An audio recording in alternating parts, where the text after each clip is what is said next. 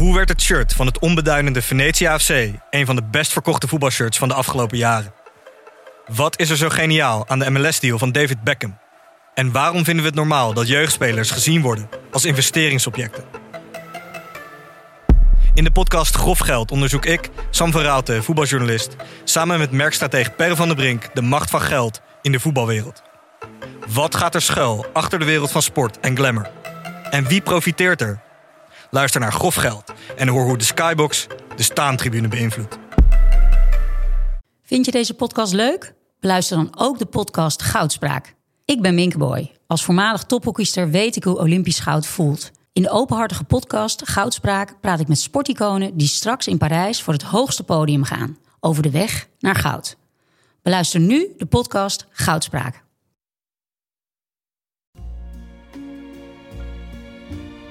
Met Leo Verhul van Voetbal International. Hey Diego, kan jij morgen? Ja, natuurlijk Leo. Ik ken al je werk. Ik ben een groot fan.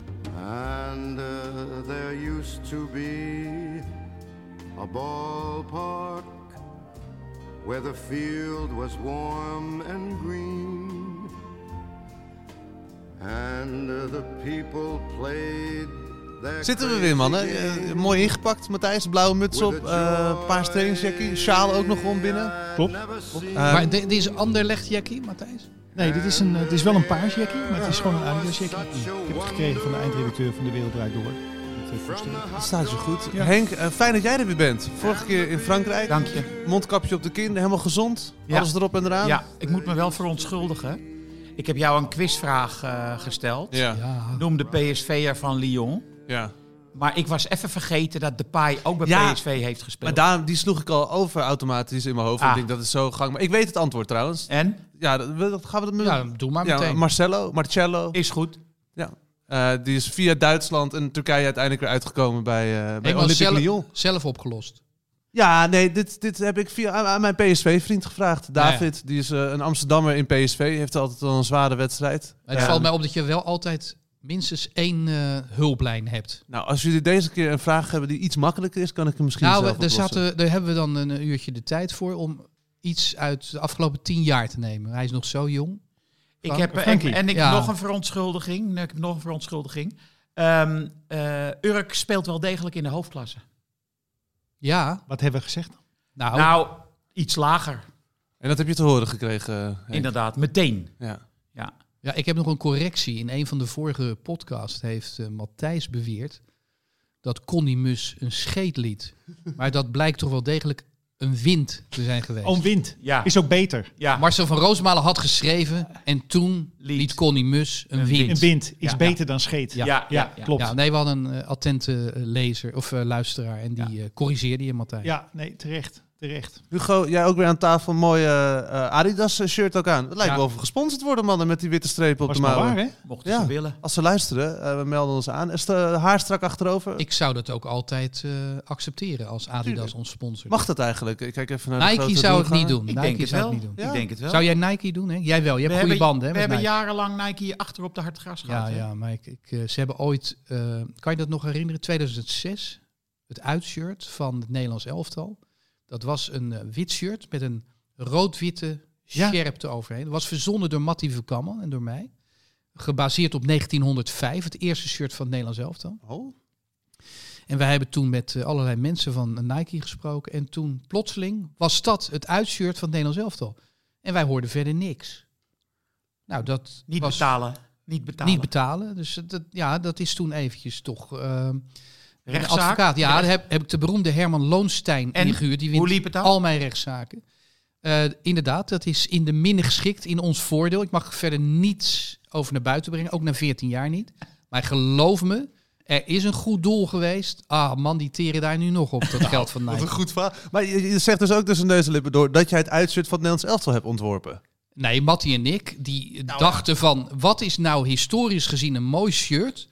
Eh, en toen vonden wij dat 1905 shirt, dat is een fenomenaal Maar shirt. kan je dat omschrijven iets beter? Ik Heel simpel. Dat ben is, nogal jong, hè? Ik was dat toen- is wit en de Nederlandse vlag is rood-wit-blauw. En die loopt diagonaal van de Oh, schouder Ja. tot aan de Had, linkerlies. had Elinkwijk niet zo'n shirt vroeger?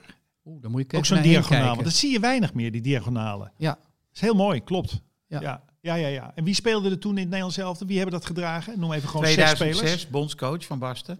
Ja, dat was het, het, het uitzet dus. Hè? Dus Van Bronkhorst. Van Persie, Snijder, Van Bronkhorst. Van de Ja. vaart. Ja. Ja. ik weet het nu. Ik zie hem helemaal voor me. Prachtig.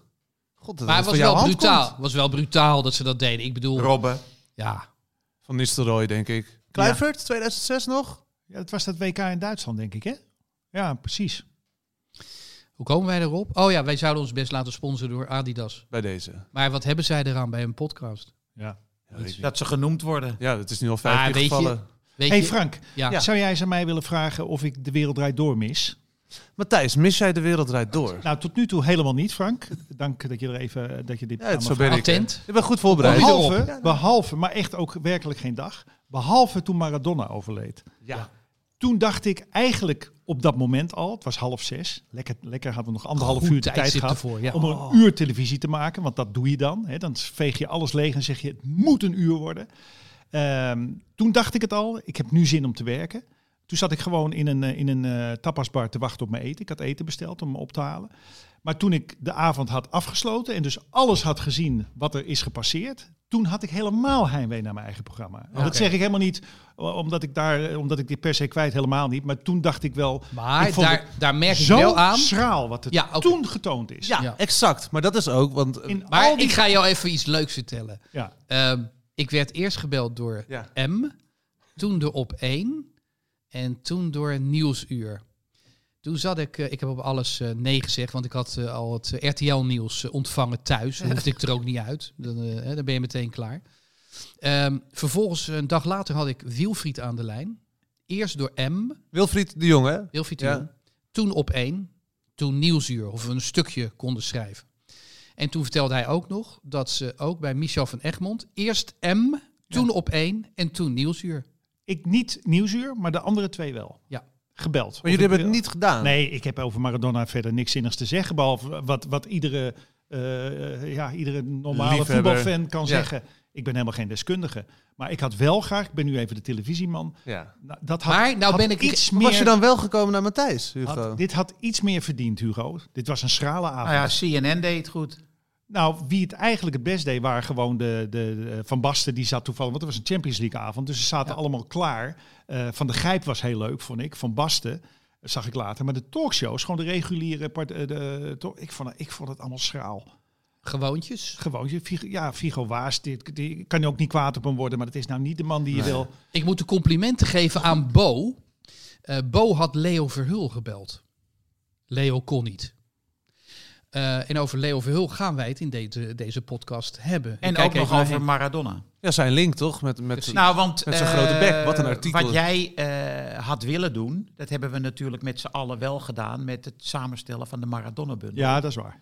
Die eh, volgens mij 20 december of 21 december uitkomt. Dus eh, een aantal mensen, eh, een stuk of 15 mensen, hebben in no time binnen drie dagen een verhaal over Maradona geschreven. Want eh, Ambo Antos vroeg eerst van, hebben jullie veel in het archief van Hartgras over Maradona? Dat hebben we onderzocht, bleek helemaal niet het geval te zijn. Behalve een verhaal van Jimmy Burns. Goed verhaal, maar erg gedateerd. Heel gedateerd, want die vroeg al in 1997 zich af, hoe lang leeft Maradona nog? Klopt, was ook een terechte vraag toen. Ja. Ja, toen was het een goede vraag, maar dat is inmiddels een beetje gedateerd. Eh, dus toen eh, hebben ze, eh, allerlei mensen hebben we ook gevraagd om eh, heel, in heel kort bestek een verhaal te schrijven. En dat is goed gelukt. Ik wil overigens wel terugkomen aan het eind van deze podcast. Matthijs, hoe zou je die avond Nou. ongeveer hebben ingevuld? Zullen we dat nu doen ja, eigenlijk? want dat, is- dat vroeg Nou, ik dat- ook af. Of wat kijk, had je ik- zelf willen zeggen? Ik of- heb, ik, heb, ik, heb niet, eh, ik heb het niet hoeven doen. Hè? Nee, maar je maar hoofd ik- gaat wel. Je hebt het zo Nou, lang gedaan. Je weet hoe die radartjes gaan Kijk, lopen. half zes is laat om Ja. te overlijden. Ja, ik zat live op de radio. Het was een mooi, ik, ik schrok ervan. Het Nee, was ik in het nieuwsbulletin. Ik dus ook, ik kon ik er ook. meteen wat mee, maar jij dus niet. Ja, ik zat in een Spaanstalig restaurant, dus ik zeg tegen de, tegen de chef-kok, moet je horen wat het nieuws van, eh, wat, wat ik nu op mijn telefoon zie. Die jongen moest even gaan zitten. Ja. Dat was echt, dat is niet, dat was, bij veel mensen heeft het toch wel, en bij mijzelf eigenlijk ook. Ik vond het wel een moment. Maar wat zou je in dat uurtje hebben kunnen verwezenlijken? Nou, ik, ik, ik had al het beeld laten bekijken door de redactie. Ik had meteen, ik had jou ook gebeld trouwens. Ik had even gekeken met wie we dit zouden kunnen doen. Ik had er zeker tegen de redactie gezegd, het is geen grootspraak. Of het was gelukt is punt twee overigens. We vegen alles schoon. en we gaan een uur lang Maradona maken. Laat maar eens kijken. En dan moet je, en dan ga je kijken waar je, waar je het allemaal vandaan haalt. Ja, maar je had ook uit jezelf kunnen vertellen. Want je hebt natuurlijk heel veel sportprogramma's gemaakt. En, Er is een fantastisch nummer van Manu Chao Ja. over Maradona. Ja. Dat hele nummer heb ik nergens, maar dan ook nergens gehoord. Alleen maar Life is Life. En dat is armoedig. Ja. Als je iets verder kijkt dan je neus lang is, heb je een schitterend nummer van Manu Chao. Daar hoort een clip bij waarin Manu Chao het op, in de straten van Buenos Aires speelt voor Maradona die langsloopt. Ja, ik heb het gezien. Nou, hij komt uit een auto. Beetje geanceneerd, Ja. klopt, geanceneerd. Maar het is een schitterend nummer. Hè, dat, en, en, dat, dat had gekund. In, Kunnen we niet een in klein ons, stukje in laten ons horen? Maradona-boek Ja, even in deze stukje. In podcast. ons Maradona-boek schrijft. Menno, Menno Pot over dat nummer Manu Chao. Ja, ja, ja. En ook over de ontmoeting tussen Manu Chao Ja. en eh, ik, Maradona. ik, ik vraag je even stil te zijn, dan gooit Frank nu het nummer er even onder. Si yo fuera Maradona, viviría como él. Si yo fuera Maradona, frente a cualquier portería. Fuera Maradona, nunca me equivocaría. Si yo fuera Maradona, perdido en cualquier lugar. Ja, leuk. tof, hebben we toch nog even Ja, een podium Lekker, kunnen lekker geven. melodietje, hè? Ja. Ja. Ja. Ik heb een stukje, eh, ik heb het dat couplet vertaald voor mijn stuk in het eh, boek M- Mijn Maradona. Eh, dat is echt wel leuk, want het is ook een beetje opstandig, hè? Het is echt een beetje een opstandig. eh, Maar voor de Maradona ook. special heb je dat Ja. vertaald. Maar het is toch opvallend, Henk, dat, dat iedereen buigt zich over Maradona. En terecht. Je wil er ook graag veel over horen. Je kijkt ook Nee, en dat uit. lied is er niet. Nee, Ja, belachelijk. dat is zo merkwaardig. Het was wel ingewikkeld. Hè? Hij was net jarig geweest, dus eh, iedereen had zijn kruid al verschoten. Eh, iedereen was wel uitgenodigd die wat van Maradona wist.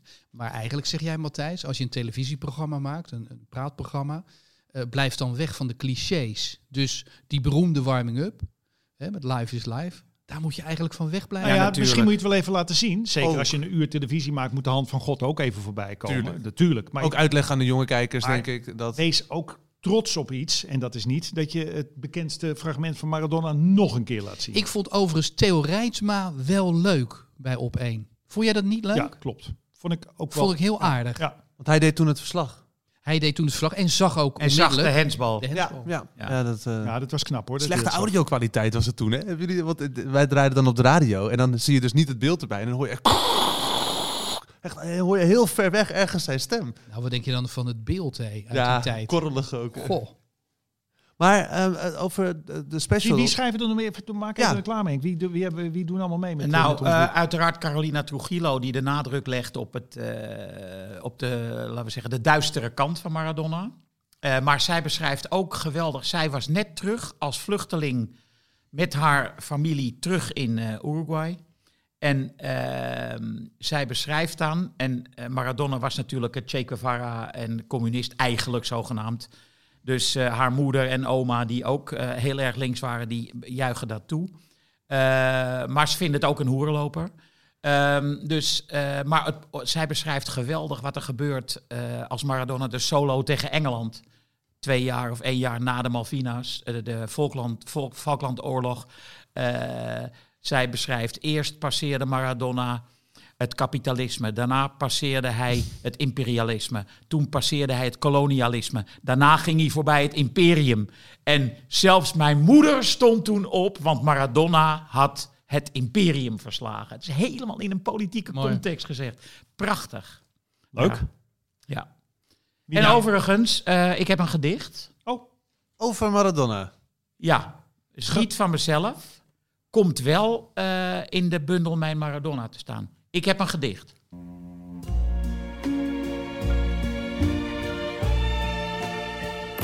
Ik heb een gedicht. Judith Hertzberg. Warming up. Maradona danst zich met zijn voetbal los van wat er was in de omgeving. Heeft ook nooit zijn veters leren strikken. Zeker teken van verwaarlozing. Hoe hij bij zijn warming-up zichzelf verrast. Hoe de bal hem dirigeert, niet omgekeerd. Jongen, pas toch op. Maak eerst je veters vast. Judith Hertzberg. mooi. Heel mooi. Even, even de ogen dicht gedaan. Je ziet, je ziet het helemaal voor je, toch? Maar hoe, hoe, hoe kom je daar aan? Nou, het toeval wil dat eh, uitgeverij Jacco Groot, eh, die stuurde gisteren dit gedicht op eh, voor Hard Gras. En volgens mij heeft zij nog nooit over voetbal geschreven. Dit is een nieuw gedicht van Judith Hertzberg. Ja, net geschreven. Wat leuk. Ja, en dat staat En goed. En ik dacht Mooi. bij mezelf, het is beter voor die bundel dan wachten tot half januari Ja. tot het volgende Hartgras uitkomt. Maar nog heel even over eh, Leo Verhul, want de naam viel al. Maradona. En ja. het verhaal wat ik heb gelezen Ja. over hoe, Ja. hoe stoer hij deed dat hij Maradona wel even sprak. En het is, dat, is, dat verhaal ook weer, wat erin staat, is precies wat ik zo leuk vind ook aan al die verhalen die we hier vertellen. Dat het niet per se echt over Maradona gaat. Of over hoe geweldige voetballer Nou, hij is. het maar verhaal over, gaat eigenlijk over de hiërarchie binnen Voetbal International. Ja, en over Leo- de bravoure. Ja. Leo Verheul die eh, vertelt over eh, een najaar 1986, eh, uiteraard Argentinië, wereldkampioen geworden. De kerstspecial moet worden gemaakt. En dan ga je bij elkaar zitten. Iedereen heeft ideeën. En eh, dan zit daar ook bij Kees Jansma. Voor wie iedereen siddert. Ja, Ja, niet altijd. Want als Kees goed gemutst is, dan heb je echt een gouden peer aan hem. Maar wee als hij in een slecht humeur is. En eh, Kees heeft zo'n 39 vrij slechte ideeën over zich heen horen komen. Eh, en dan komt Leo Verhul met het idee om Maradona te gaan interviewen. ja, dit is zo goed. En dan ontbrandt er een cynisme, een sarcasme in Kees Jansma dat zijn weergaan niet kent. Eh, ik eh, citeer even vrij. Oh ja, ja, met Leo Verhul van Voetbal International. Hey Diego, kan jij morgen? Ja, natuurlijk Leo. Ik ken al je werk. Ik ben een groot fan. Ik maak even een eh, training vrij voor je. Nou, Je, dat je, gaat- krijgt, je krijgt anderhalf uur. en dat gaat zomaar door. En eh, om een lang verhaal kort te maken, eh, Kees van Kuilenborg, eh, eh, meteen afgeserveerd door eh, Leo, die bekend stond als eh, Kees van Kuilenborg als de kruidenier, de centenbak. Want dat was de hoofdredacteur van VI toen Ja, de tijd. hè? ja. Nee, Leo veegt de vloer aan met eh, de hele oude garde. Ehm, die, eh, die zegt, nou ja, doe dat dan maar. En, nou, Desnoods op eigen kosten, zegt Leo Verhul. Leo- Nee, Leo zei betaal inderdaad, mijn ik, reizen, ga, ik verblijfkosten. betaal mijn eigen reizen. Maar Ja. ik ga dit flikken. En ik vind het zo, dat, dat mis je soms wel eens in deze tijd. Die bravoure. Dus hij naar Napoli, Napoli daar speelde eh, Maradona toe. Leo had Afgereisd. natuurlijk één ding, hij, hij spreekt Spaans. Ja, maar hij sprak Spaans. Maar dat wordt wel cruciaal. Eh, maar daar kom ik later Ja, op. ja, ik ga het niet helemaal verklappen. Maar eh, hij gaat op pad met eh, Robert Collet. En, ehm, Legendarische fotograaf. Ja, ja, te vroeg overleden. Geweldige fotograaf. eh, prachtige eh, foto's kon hij maken van eh totaalshots. Van avondwedstrijden waarbij de keeper in duikvlucht de bal uit de, de kruising eh, plukte. En dan zie je nog wat aantal spitsen die in de lucht hangen en die knikbeweging al maakten. Eh, Robert Collet ging mee.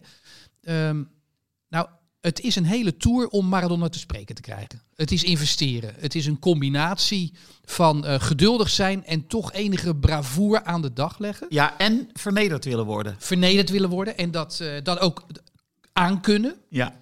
En Leo had zichzelf zes dagen gegeven. Zes dagen. Ja, en op de eerste, eerste dag wordt hij eh, finaal afgeserveerd. Hij staat dan tussen 40 journalisten ongeveer. Wil je even met me praten? En dan sist Maradona iets heel erg lelijks van eh flikker toch op, pisnicht. Zou Joep van het Hek zeggen. Ik weet niet meer wat hij precies zei. Was onaardig. Nou, de Dit twee- was aan de rand van het trainingsveld. Of Ja, zo? ja, ja, ja. ja. Maar dan moet je je voorstellen, dan ga je dus als journalist met Robert Collet een hapje eten, dan ga je slapen, je neemt een borreltje en dan de volgende dag is het moment natuurlijk die volgende training. Waarbij je bij Maradona en co. nooit weet wanneer de training begint, want dat bepaalt Maradona. Dus het is voortdurend alert zijn, rondhangen. En als de training dan begint, je wurmen bij de ingang en weer contact maken, oogcontact maken.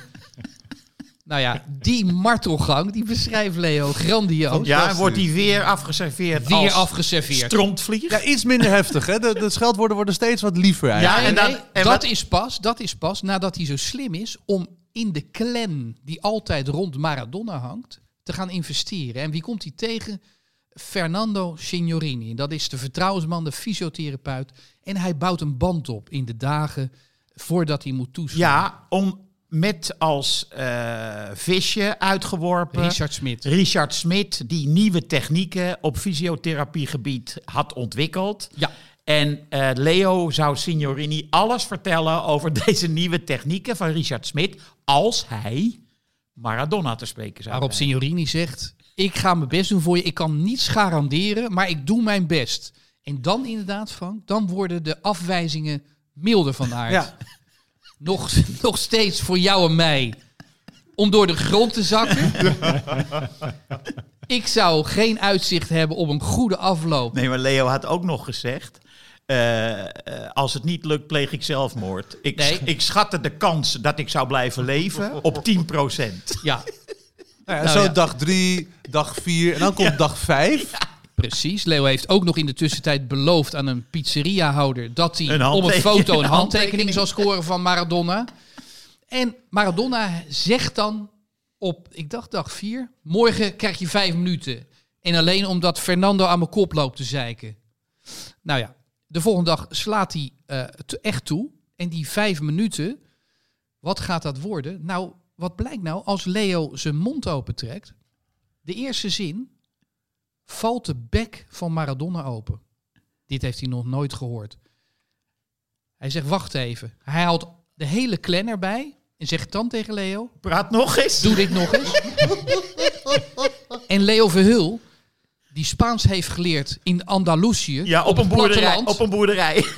van boeren, die herhaalt de vragen weer. En die Maradona die komt niet meer bij van het lachen.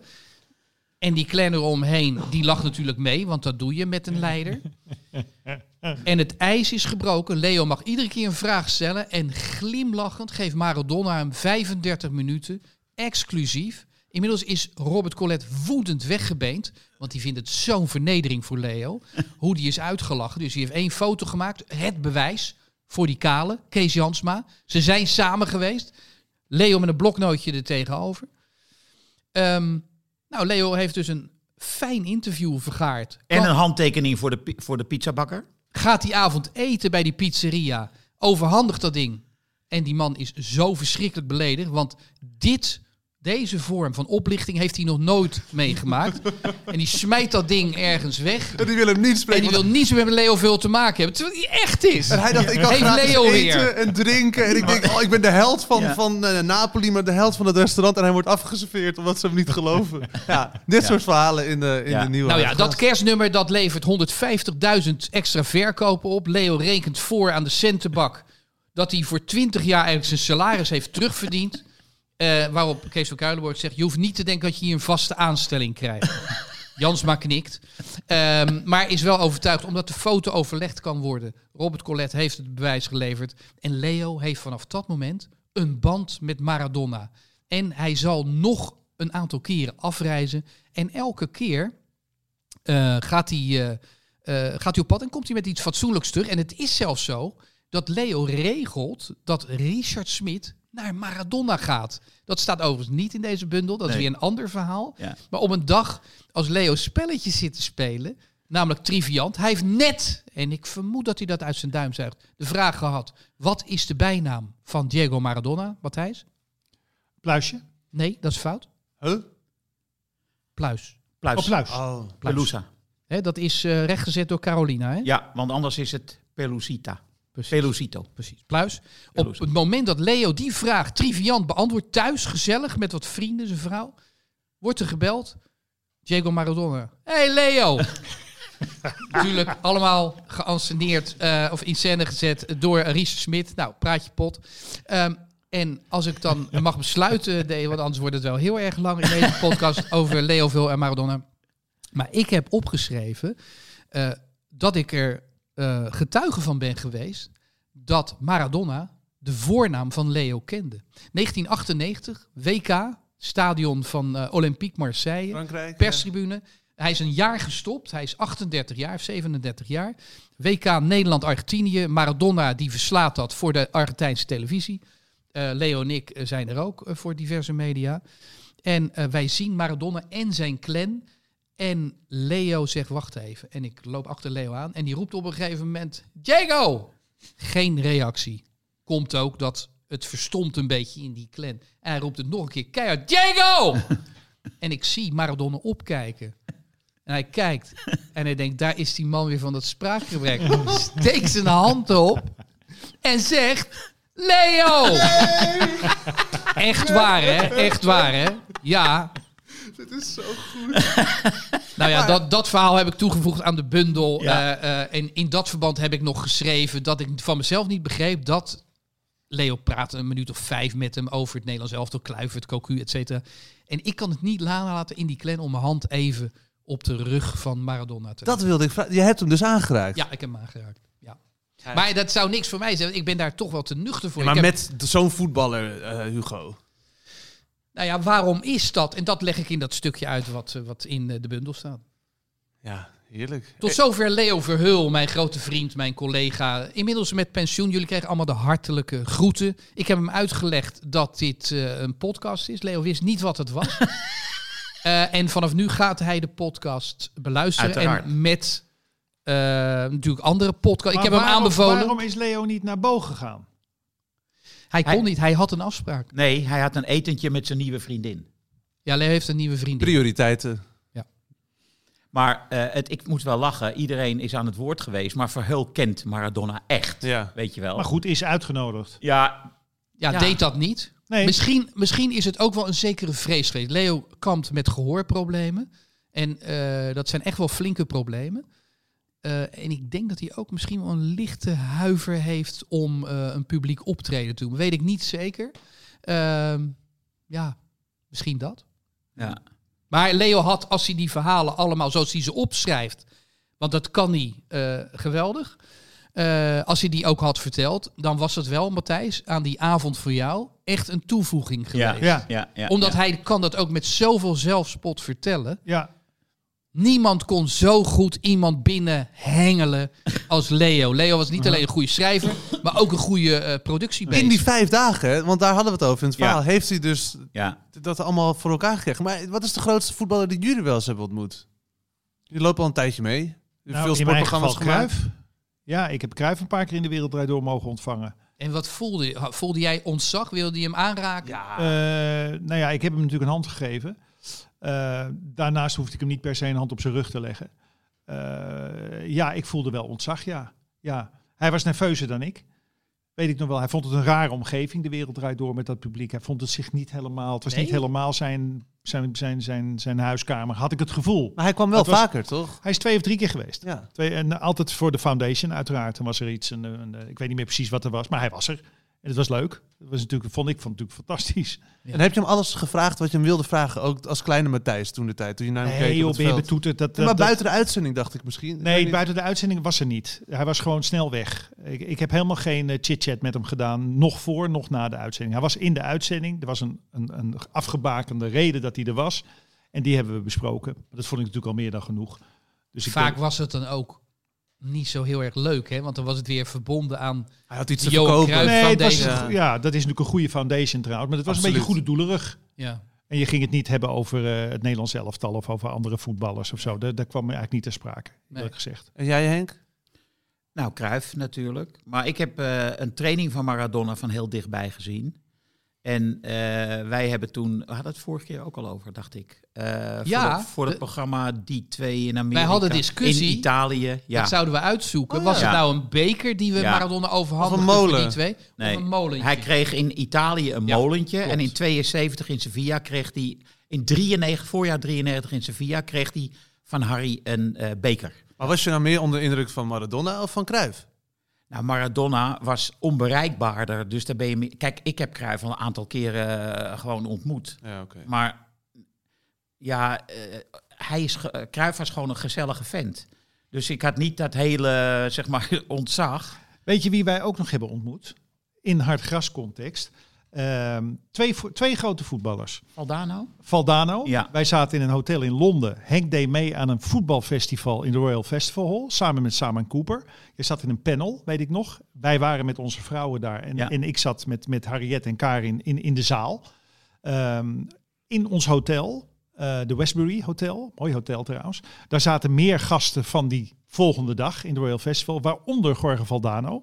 Die zat naast ons. Daar zijn we mee aan de praat geraakt. Ja. Hebben we eindeloos zitten praten over, over Maradona. bijvoorbeeld. Zeker. Over Maradona. Over die finale in eh 86. Exact. Dat vonden wij natuurlijk beren interessant. Hele kleine muiltjes met, met, met van die kwastjes had hij. Weet je dat nog?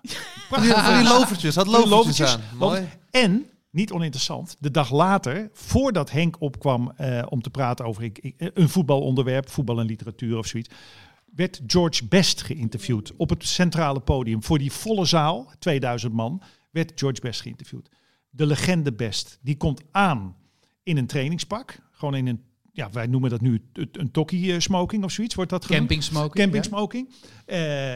Die was al half laveloos, denk ik. Hè? Het was werkelijk waar een demasqué, jongen. Deze, we kenden zijn reputatie, dus hij voldeed aan zijn reputatie. Zo had hij ook een keer bij Wogan gezeten. Hè? Absoluut. Toen was hij, was hij helemaal Helemaal dronken. katje lam. Ja, maar en exact dezelfde anekdotes. Altijd. Hij heeft repertoire. Maar wat vertelde hij dan? nou, dat weet ik niet je meer, nog maar dan ging het weer.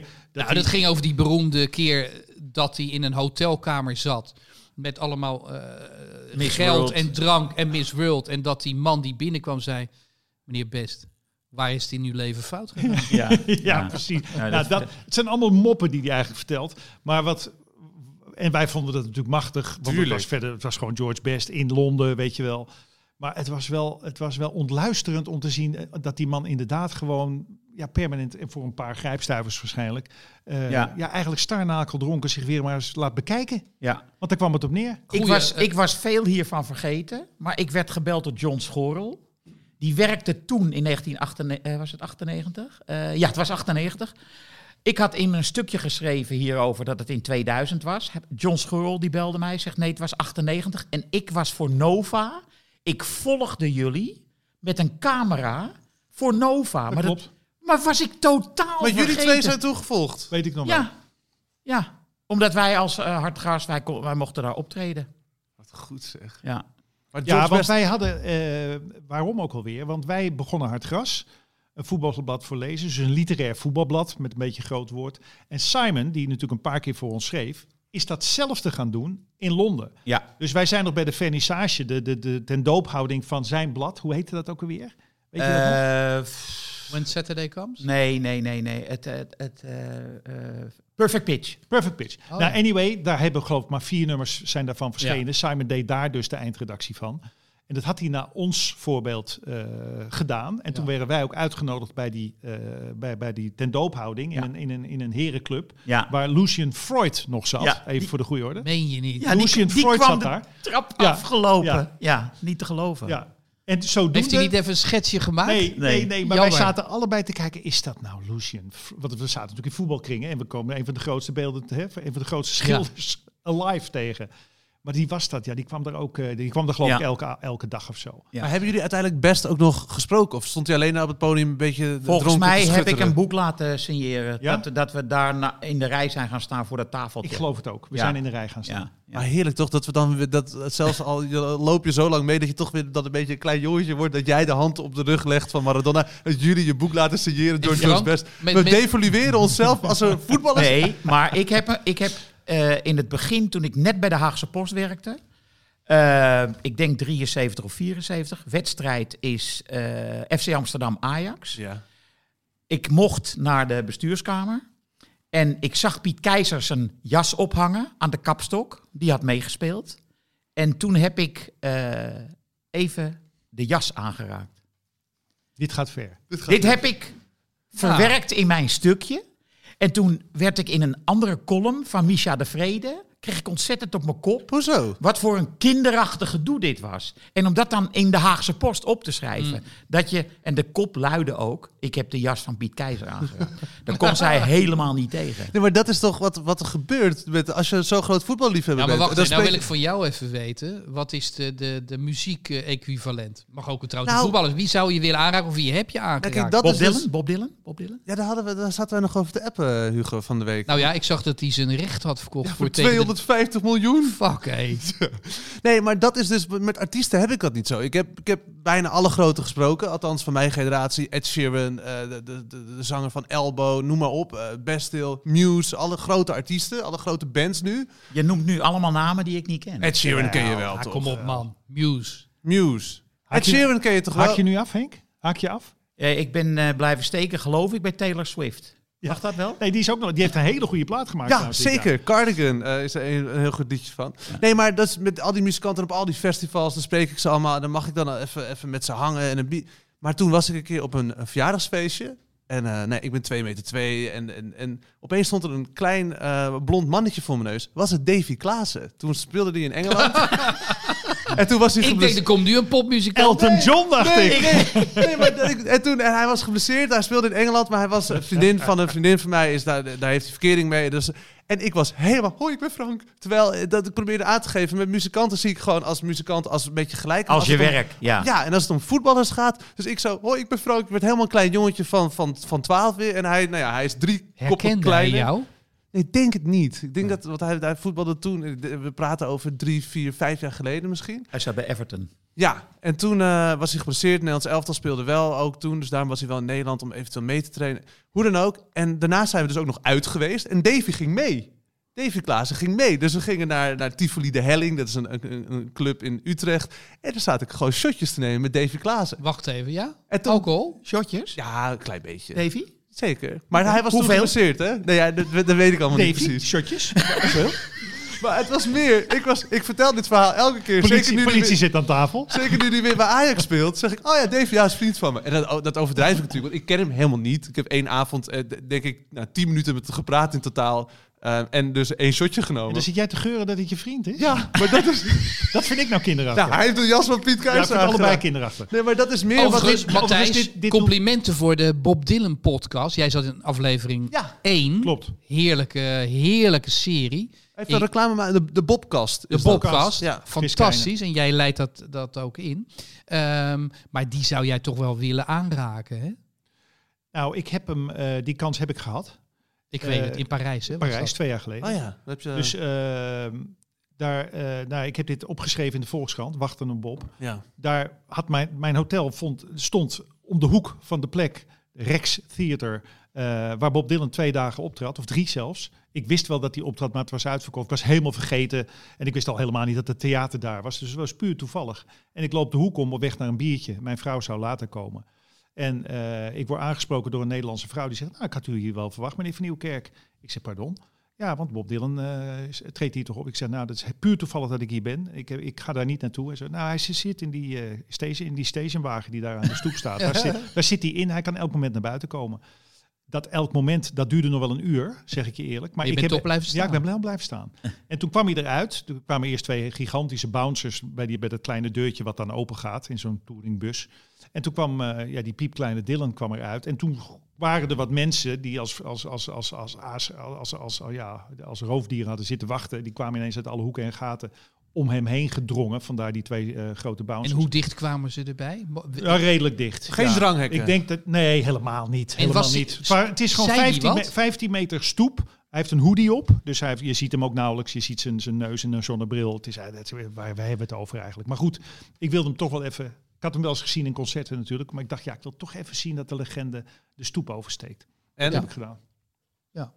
Moeten we nu even het verhaal van de maand... Bob Dylan even eh, draaien, bedoel je? Oh, een stukje Bob Dylan. Nee, zeker. Oh. Maar dan wil ik even stemmen wat voor nummer. Ik, ik zeg Ballad of a Thin Man. En Oh, dan oh, van oh, Before the Flood. Gewoon een... een oh, Wat? gewoon live. Ja, ja, ja. Ja, even een klein Een stukje. klein stukje, hè? En dan Ja. is het een Nee, stukje... maar daar- sorry hoor, maar dat is maar één plaat die in aanmerking komt. Nee, Dat is Blond om Blond. Nee, luister. Het stukje Ballad of a Thin Man is toch Ik een weet waanzinnig zeker dat nummer. Matthijs het met mij eens Maar is. dat is de grootste Nee, Bob Dylan fan, nee. hè? Matthijs. Ik weet zeker ik weet dat van Matthijs. Nee, Matthijs is. is Before the Flood.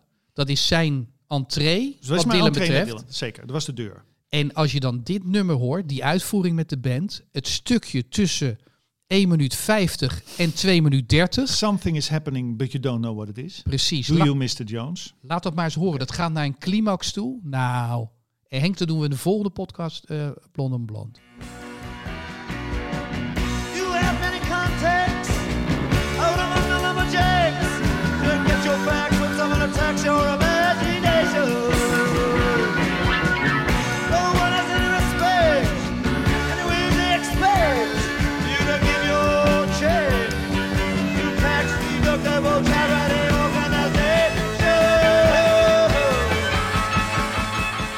Dit. Maar eh, live. Hey, ik, dat heb is hem, fijn. ik heb hem één keer live gezien, Matthijs. Hij is, ik, ik- hij is wel oud. Ik zat in mijn eentje in, Oh, maar de, hij is in hartstikke de oud. avonds live. Je moest zitten. Het was een Hij is zittend concert. stokkoud. En ik dacht wel van, oh jee, waar zit ik naar te kijken? Ja. En hij deed al zijn liedjes, ook zijn grote hits, allemaal in andere versies. Ja. en zo. Er was helemaal geen touw aan vast te knopen. Nee, Op een gegeven moment dacht je, oh, is het Blowing Hij heeft, hij maar heeft ik heb die laatste plaat, is wel heel erg goed hoor. Rough voor and zo'n- Rowdy voor Ways zo'n is zijn oude man. meesterwerk. Zo. Oké.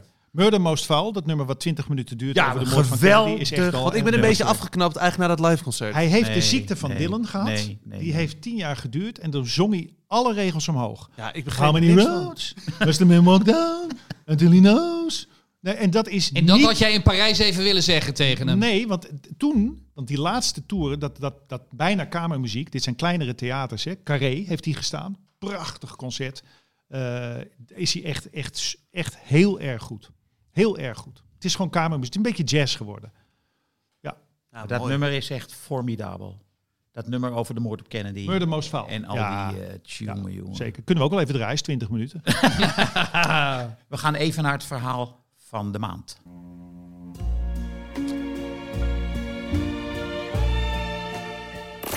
Het verhaal van de maand. Met een middelbare schoolvriend speelde ik op een pleintje in Bos en Lommer, waarvan de doeltjes echter zo klein waren dat scoren praktisch onmogelijk was. En al gauw sloten twee jochies van zes, zeven zich bij ons aan, die besloten hadden de bal nooit over te spelen. Na die ene poging kwamen we niet terug, en ook de keren dat ik naar de sportschool ging, saai en vermoeiend, of besloot te hardlopen, resulterend in langdurige kniepijn, waren geen succes. Mijn goede vriend en uitgever Daniel van der Meer, met wie ik onder gewone omstandigheden twee keer per jaar amateurvoetbal in Amsterdam-Oost, vond eind maart een veldje vlak bij zijn huis, in een park in Amsterdam-Noord. Daar, op een hobbelige ondergrond van aarde, stonden twee kleine verroeste doeltjes op een meter of tien van elkaar verwijderd. Ze zagen eruit alsof ze ooit op weg waren geweest naar een serieus voetbalveld, met meer gras, met lijnen, met minder rondrennende honden. Een paar weken achtereen bezetten Daniel en ik ieder steeds een eigen doeltje, waar vandaan we op de ander schoten. Dit doelen hadden we vroeger ook zo vaak gedaan. Op pleintjes in Amsterdam-Zuid, als jochies rond de tien, als middelbare scholieren, als slungelige pubers. En net als toen waren we ook nu fanatiek. En net als toen schoot Daniel beter dan ik. Ik probeerde vooral snel te handelen wanneer hij uit positie was. Ook hoopte ik te profiteren van de verraderlijke die de honden wekelijks in het gras hadden gegraven. Maar daar had ik niet zoveel last van. Wat ook niet hielp, was dat er geregeld honden werden uitgelaten zonder riem, die onze wedstrijdjes brusk onderbraken door achter onze bal aan te rennen en hem lek te willen bijten. Onstuimig, bijna bezeten waren ze. Misschien zaten ook zij door corona meer binnen. Misschien merkten ze dat het leger was in de stad en renden ze daardoor vrij uit. Ik kon het ze niet kwalijk nemen. Thomas Heerma van Vos. Met een verhaal in eh, de hartgras die nu in de winkel ligt. Over eh, een ander veld vooral. Waar hij eh, in coronatijd... Want we hadden eerst een cover... ehm, met een blauwe handschoen en een wattenstaafje. Ja. Eh, en wij vonden die cover zo, dat beeld zo mooi, dat we dachten, hier moet een verhaal bij komen. We En hebben nog nooit gehad, zoiets, hè? De Nee, dit is de eerste keer dat we eerst de cover hadden en toen het verhaal. Eh, Thomas die wilde dat verhaal schrijven. En die blijkt dus al een tijdje te voetballen bij, in Durgedam op een veldje met eh Helinski, Roman Helinski en Auke Hulst. En eh, ik moest heel, heel erg denken aan de veldjes van vroeger. Die je altijd. Ik heb nog steeds dat als je ergens langs loopt, open plek in het bos, of je rijdt ergens, dat je denkt van lekker veldje. Ja. Heb jij dat ook? Ja, dat heb ik ook, ja. Ja. Dat raak je echt nooit meer kwijt. Nee, er is een crematorium gekomen in Hilversum op de, op de, op de heide. Daar voetbalden wij altijd. Dus dat was vlakbij mijn, met mijn ouderlijk huis. We hebben tijd in Hilversum gewoond. Mhm. En precies op de plek waar wij voetbalden, is ook raar. Want ik, ik, ik wist helemaal niet dat daar een crematorium was. Maar ik heb nu twee keer al iemand eh, eh, ten Oh. graven gedragen daar. Dus, en dan, zit ik, dan kijk je uit over die hei. En dan denk ik alleen maar aan voetballen. Aan, ik zie me daar dan weer rennen. Speelde je dan partijtjes? Ja, speelde je partijtjes. Dus ik wist ook meteen? Peter de Valk, Nout Bruns, Duco Bruns, Egbert Homveld, Mark Haak. Ik noem zo al die namen op van die jochies met wie we daar altijd waren. Terwijl we net eh, ja, iemand afscheid hadden genomen. Van, een beetje cru eigenlijk. Een beetje raar, ja. Maar had je eh, doeltjes toen de tijd of jassen? Jassen. Jassen. Ja, jassen. jassen. Ja. En want En nu jij? zie je En overal zie je die veldjes met de, de kruifkoorts natuurlijk. En Alles ja. is kant en klaar. ja, maar ik weet nog, vroeger had je één boom en één jas. Dat Ja. deden wij dan voor de deur in, eh, in Uithoren, waar ik vandaan, vandaan kom. Samen Ja. met Tijn en Sander en mijn broer. We deden vaak met z'n viertjes. Dan deden we afmatten. Dus dan stond er één op doel en dan gewoon twee of drie tegen elkaar gewoon bal afpakken. En dan moest je hem scoren. Ging je tot de vijf of zo. Oh, dat noemden wij Amerikanen. Oh, echt? Ja. En we- weet je waar dat vandaan kwam? Deden de Amerikanen dit? Geen idee. Amerikanen. Iemand ging op doel en dan, eh, dan deden zeven gasten mee of veertien. En degene die eh, het laatste eh, aanraakte, het doelpunt maakte, die ging er dan uit. En dan mochten die anderen beslechten. Maar die ging door naar de volgende ronde Ja, dan. En, en deden jullie aan elfen en tienen? Want de ene noemt het elf, de andere noemt het tien. Dus dat je hoog houdt en dat je uit de lucht moet scoren? Nee. Nee. Dat is een, een nieuwer wedspel. Ken ik ook niet. Nee, dan ga je van 11 punten naar, naar 0 moet je uiteindelijk. En wie verliest krijgt billenbrand. Dus die krijgt de bal op zijn billen. Die moet dan voorover gebogen staan. En een kopbal telt dan voor 2. Een knietje telt voor 3. Een gewoon schot telt voor 1. En als je hem dan ving uit de lucht, dan was je af. En moest de ander op doel of als je naschoot. En dat is wat we... Dat heb ik Dat is echt... ongelooflijk ingewikkeld. Nee, dat, is, dat klinkt veel ingewikkelder dan het nu is. Maar ik denk dat, dat alle jonge luisteraars denken van... Oh ja, tuurlijk. eh, dat, dat is iets wat nog steeds heel veel wordt gespeeld. Maar het is fijn dat jij niet achter de Playstation zat. Dat je gewoon lekker buiten Ja. was, jongen. Ja, dat doe ik nu wel af en toe. Hoor. Zit Oh, le- lekker te FIFA. Maar die doeltjes die er nu zijn, hè, die, die, die, Ja. die doeltjes die overal staan, dat is wel een zegen hoor. Want het ging natuurlijk heel vaak van de vijf keer, eh, eindigde drie keer in ruzie. Ja, Altijd. altijd. Over de paal. Altijd. Omdat die, was het paal, was het Ja. geen paal, was het binnenkant paal. Was Je werd er nee. zo over- En te hoog. Ja, want wat is het en te hoog. Waar is de lat? Ja, Ja. exact. Maar het sterkste jongetje bepaalde gewoon of die zat. Eh, hè? Anders kon je klap op je nee. bek krijgen. Nee, het werd echt ruzie. Ja, was het vechten ook wel bij jullie? Nee, je ging gewoon uit elkaar. De volgende dag meldde je weer En dan was gewoon het weer goed, uur, toch? Uiteraard. Ik had ook eh, een buurjongetje, die was heel snel. En ik ben niet zo snel. En die haalde ik toch onderuit altijd. Die schopte, ik gaf toch doodschoppen. In het begin dacht ik, oké, ga maar. maar was het zachte ondergrond, gras? gras wel. Oh, ja. Maar echt, jongen. Echt, ik had er een, een driedubbele rode kaart voor gekregen. Maar op een Schiet gegeven me moment... ineens iets te binnen. Heeft niets met voetbal te maken. Rugby. Ik ben in Frankrijk op vakantie en er spelen allerlei toeristen rugby. En er deed ook een jongen mee, rugby, met een gebroken arm, met een gipsarm. Maar die kon goed rugbyen. Dus die had in die andere arm, had hij dat ei en die gaat er vandoor. En die wordt toch onderuit gehaald, terwijl die gebroken arm heeft. God, Ik zag het ineens voor me, sorry. Ja. Ja, maar dat is inderdaad het, sp- het spel op, op de, de veldjes toen de tijd. En nu nog steeds. Gewoon, ja, gewoon vol ervoor gaan, toch? Ruzie maken, scoren, Ja. proberen te winnen. Ten En in de van poep alles. terehouden. Oh, altijd, ho Ja. altijd hondenstront. Ja, je had het kakveldje Altijd. en het voetbalveldje. Maar soms werd het door de war gehaald door de mensen die honden hadden. Ja. Stond je opeens op het kakveldje te voeren. Maar ik doe het nog steeds, hè? Nu heel even niet, maar op donderdagavond met eh zeven, acht vrienden. Dan Waar? meld je je aan via... Ja, in, in Amsterdam-Noord, achter het skatecafé, zo heet dat. Er is een kant-en-klaar veldje met boarding. Jongen, dan word je moe, dan ben je maar aan het rennen. Stel nou dat wij zouden zeggen, wij vinden het leuk om mee te doen met z'n drieën. Zijn we dan welkom bij jullie jonge honden? Of zeg je van, ga maar een ander veldje zoeken jongens. Nou, voor een keertje wel. En dan moet je... Nee, maar dan bekijk je het niveau, toch? Als jullie lekker mee kunnen. Het is altijd vervelend als het een heel groot niveauverschil Ja. is. En zo jong, het, het is van... Ik geloof niet dat ik nog ga voetballen, Hugo. Nee? nee, ik kan het ook niet. Maar fysiek gewoon niet. Ik moest laatst, ik was met mijn, waar was ik? Ik weet niet meer, op het strand met mijn kinderen of zo. In ieder geval, ik, kreeg- er kwam een bal op me af, niet eens zo lang geleden. Gewoon aannemen, uit de lucht. Het zit er gewoon niet meer in. Het is, En het wat lijkt- gebeurde er? Stuitte Ja, die die- stuit het gewoon eh, met drie meter er verderop. Of je, je raakt hem überhaupt niet. Ik, Maar ik hebben- schrok van mijn eigen fysieke beperking. Maar jij Het kon was- goed voetballen, ik toch? kon- We ik hebben het hier wel eens over goed- gehad. Ik kon zeker wel goed voetballen, ja. Nee, Maar dus mi- ik, je, miste je dat dan? Denk je van, nou, ik kan het niet meer. Potverdorie, weer iets weg uit mijn leven. Nou, ik heb zo lang niet gevoetbald dat ik me ook helemaal niet heb laten testen daarop. Dus er kwam een bal mijn kant op en ik denk, dacht, nou die hup. pak ik even aan. En dat leek weg, maar het, het heeft meteen pijn. Ik weet het niet. Het was gewoon, ik dacht, godsallemachtig man. Maar eh, nee, Henk, Ja, voetbal. ik mis wel... Ja, nou ja, goed. Ik kijk niet voor niks nog steeds naar veldjes. Dat je denkt van, eh, hier hadden we kunnen voetballen. Maar dat doe je dus niet. Maar eh, wanneer heb jij voor het laatste bal aangeraakt? Was het net zoals Matthijs dat je dacht van, ik neem hem even aan en hup, weg was die? Nou, ik raak wel eens een bal aan met kinderen eh, bij het meertje in Frankrijk of weet ik veel. Maar In dat verband, jij hebt deze podcast-aflevering de naam van Piet Keizer genoemd. Is het nou echt waar dat als hij stond te kijken naar zijn loopbaan en er kwam een bal zijn richting op, echt naar hem toe, dat hij dan niet de bal terugschoot? Of is dat een mare? ik denk dat het eh, hetzelfde verhaal ging over Vaas Wilkes. Dus dit is iets wat, eh, dit is een soort verhaal wat in het voetbal geworteld is. Dat is- ze dit- nooit dit- meer een bal hebben geraakt. Dit is Ja. opgeschreven door Frits en Henk in Vrij Nederland. Dat was het Piet Keizer interview en die zei als er een bal op mij afrolt, trek ik mijn been omhoog. Met andere woorden, die laat ik gewoon doorrollen. Ja. En dat vonden we toen, dat was de kop van het stuk. Dat weet ik Ja. nog heel goed. Maar omdat hij bang maar was om af te gaan? hij zelf? Denk nou, jij? dat, kan, dat weet ik niet, maar ik weet dat ik het daar gelezen heb.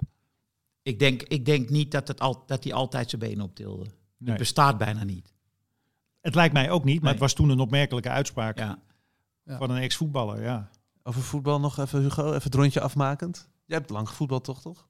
Ja, maar dat gaat nu niet meer omdat mijn knie kapot is. Dus het, het nou, ik, er is sprake van dat eh, Via 4, is ooit een zaalvoetbalteam Er geweest. is ook een, eh, een serie over geweest. ja, een serie op tv, VPRO. Ja.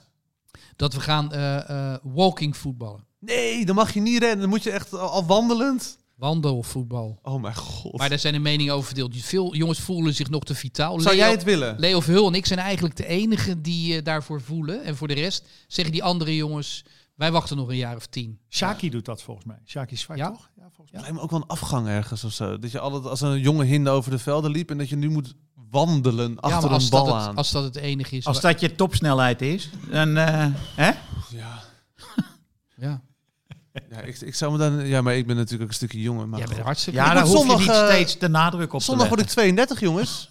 Oh, ben jij voor Danny Vera of voor... Oh, dat is een hele Over goeie. de top 2000 gesproken. Ja. Zeker, dat oude Queen. Ben, ik- ben ik heel blij mee dat Danny Vera even op nummer 1 staat in de top 2000. ik Maar gun het hem van ganse harte. het is zo'n goed liedje. En Queen, even een stapje terug. En die over twee jaar die staan ze weer Even op een stapje terug. Nee, dit gaat nu downhill. Ja, dat, dat mag ik hopen. Weet je wat zo raar is? Dat, eh, ik, ik vond het ontzettend leuk dat hij eh, op nummer 1 kwam. Ja, toch? En ik heb natuurlijk iets met dat televisieprogramma te maken. Dus ik heb straks ook iets met hem te maken. Ik zit naar je te kijken steeds met de, met de quiz. Ja, ja. die is nu aan de gang. En dan zeggen ze voor het eerst, voor het eerst dat een Nederlander helemaal niet. Nee, is niet Boudewijn waar. de Boudewijn de de Groot. Ja. Niet eens zo heel erg lang geleden. Nee, een jaar de- of en vijf, zes Stond die, op, die heeft hij op open Ja, gestaan. Niet ja. een jaar of vijf, zes En jaar wat staat Ja. hij nu, Matthijs? Boudewijn de Top Groot? 10? Nu 15 of zo, 16, Ja, ja. weet ik niet. Ik ken dat ding niet uit mijn hoofd. Maar het is zo weet- raar omdat hij eh hoogste plaats was. Nummer 21 voor Danny Vera, ooit. Nee, hij stond 4. Vorig jaar stond hij Vier. vier. Ja. Nee, Ja. maar eh, zeg maar toen hij het maakte, gewoon in, in de hitparade. Oh, in de hitparade. Oh, zo. Heeft hij nooit op één gestaan. Nee, het, heeft een, eh, het is een sleeper. Het gaat heel Ja, langzaam. het is een, een, een groeiertje geweest. Ja. Hij is maar blijf. Hij heeft heel lang wel in de hitlijsten gestaan. Echt Ja. jaar. En heel veel mensen hebben er een persoonlijke band mee. Omdat het natuurlijk gaat over de rollercoaster die het leven heeft. Ja, nee, van het is verlies. Van, ja, dus het is ook een hele leuke man. Het is Ja. een- iedereen gunt het hem. Het is, eh, En hij heeft een voetballink, want die Derksen heeft hem wel groot Ja, gemaakt. zo is het. Bij Voetbal International. Maar hij loopt ook echt al twintig jaar mee. Dus het is ook, hij Ja. kwam vrijdagavond, had eh, Rob Stenders had het programma op 3FM. Eh dat was Stenders leedvermaak volgens mij. En daarna kwam ik.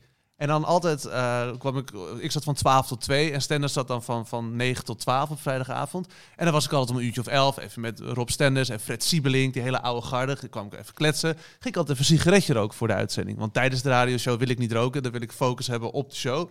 Dus om kwart voor 12, dan ging ik altijd even naar het rokershok stond altijd Danny Vera, want die speelde ook op vrijdagavond. Nadat hij bij VI was geweest, ging hij door naar de radio. Deed hij een popquiz bij Rob Stenders. Ging ik altijd even een sigaretje met hem roken. En dat is nou ja, een jaar zo doorgegaan. Gewoon vaste prik, kwart voor twaalf. Altijd eventjes met Danny Vera over muziek, over zijn gitaren, over Ja. het leven. En, dat, nou ja, en dan zie je dat dat liedje zo doorgroeit en doorgroeit. Dat hij dan nummer 1 van de top 1000, of tw- 2000 is, is wel echt, echt...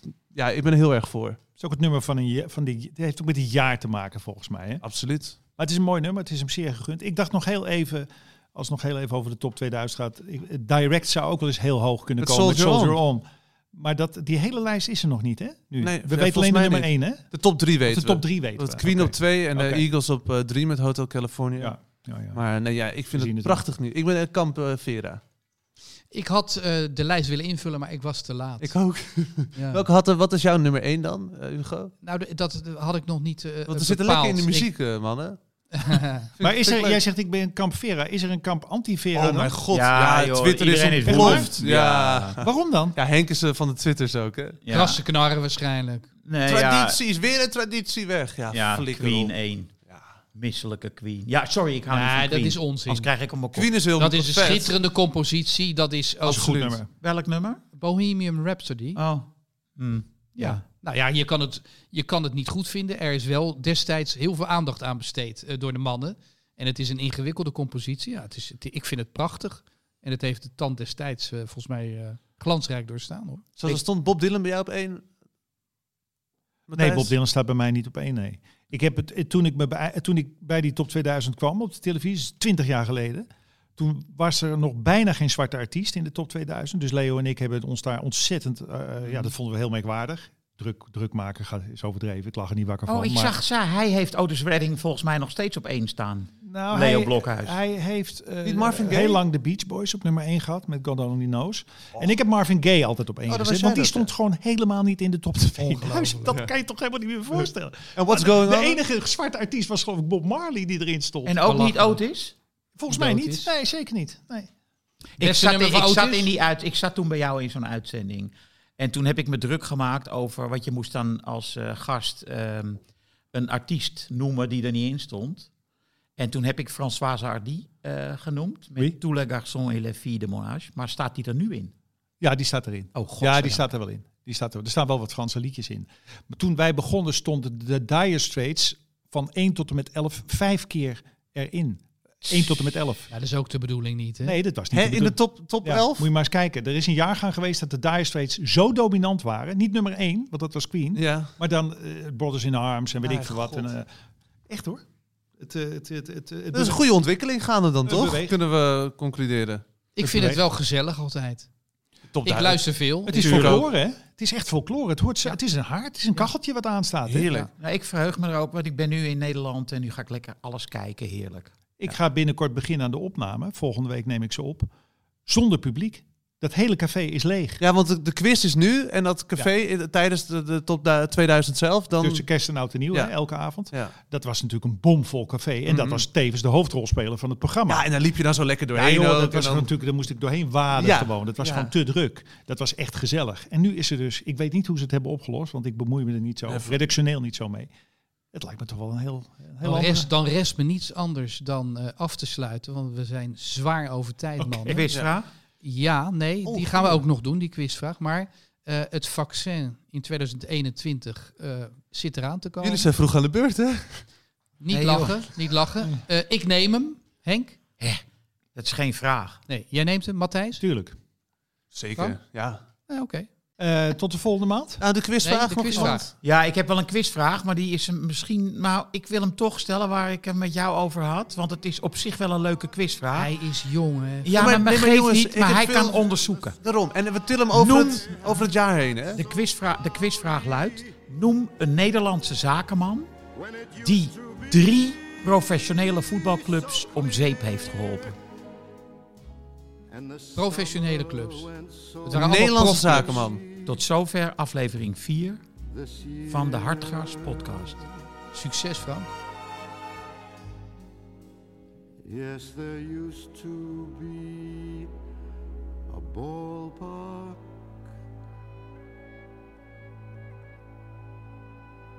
right here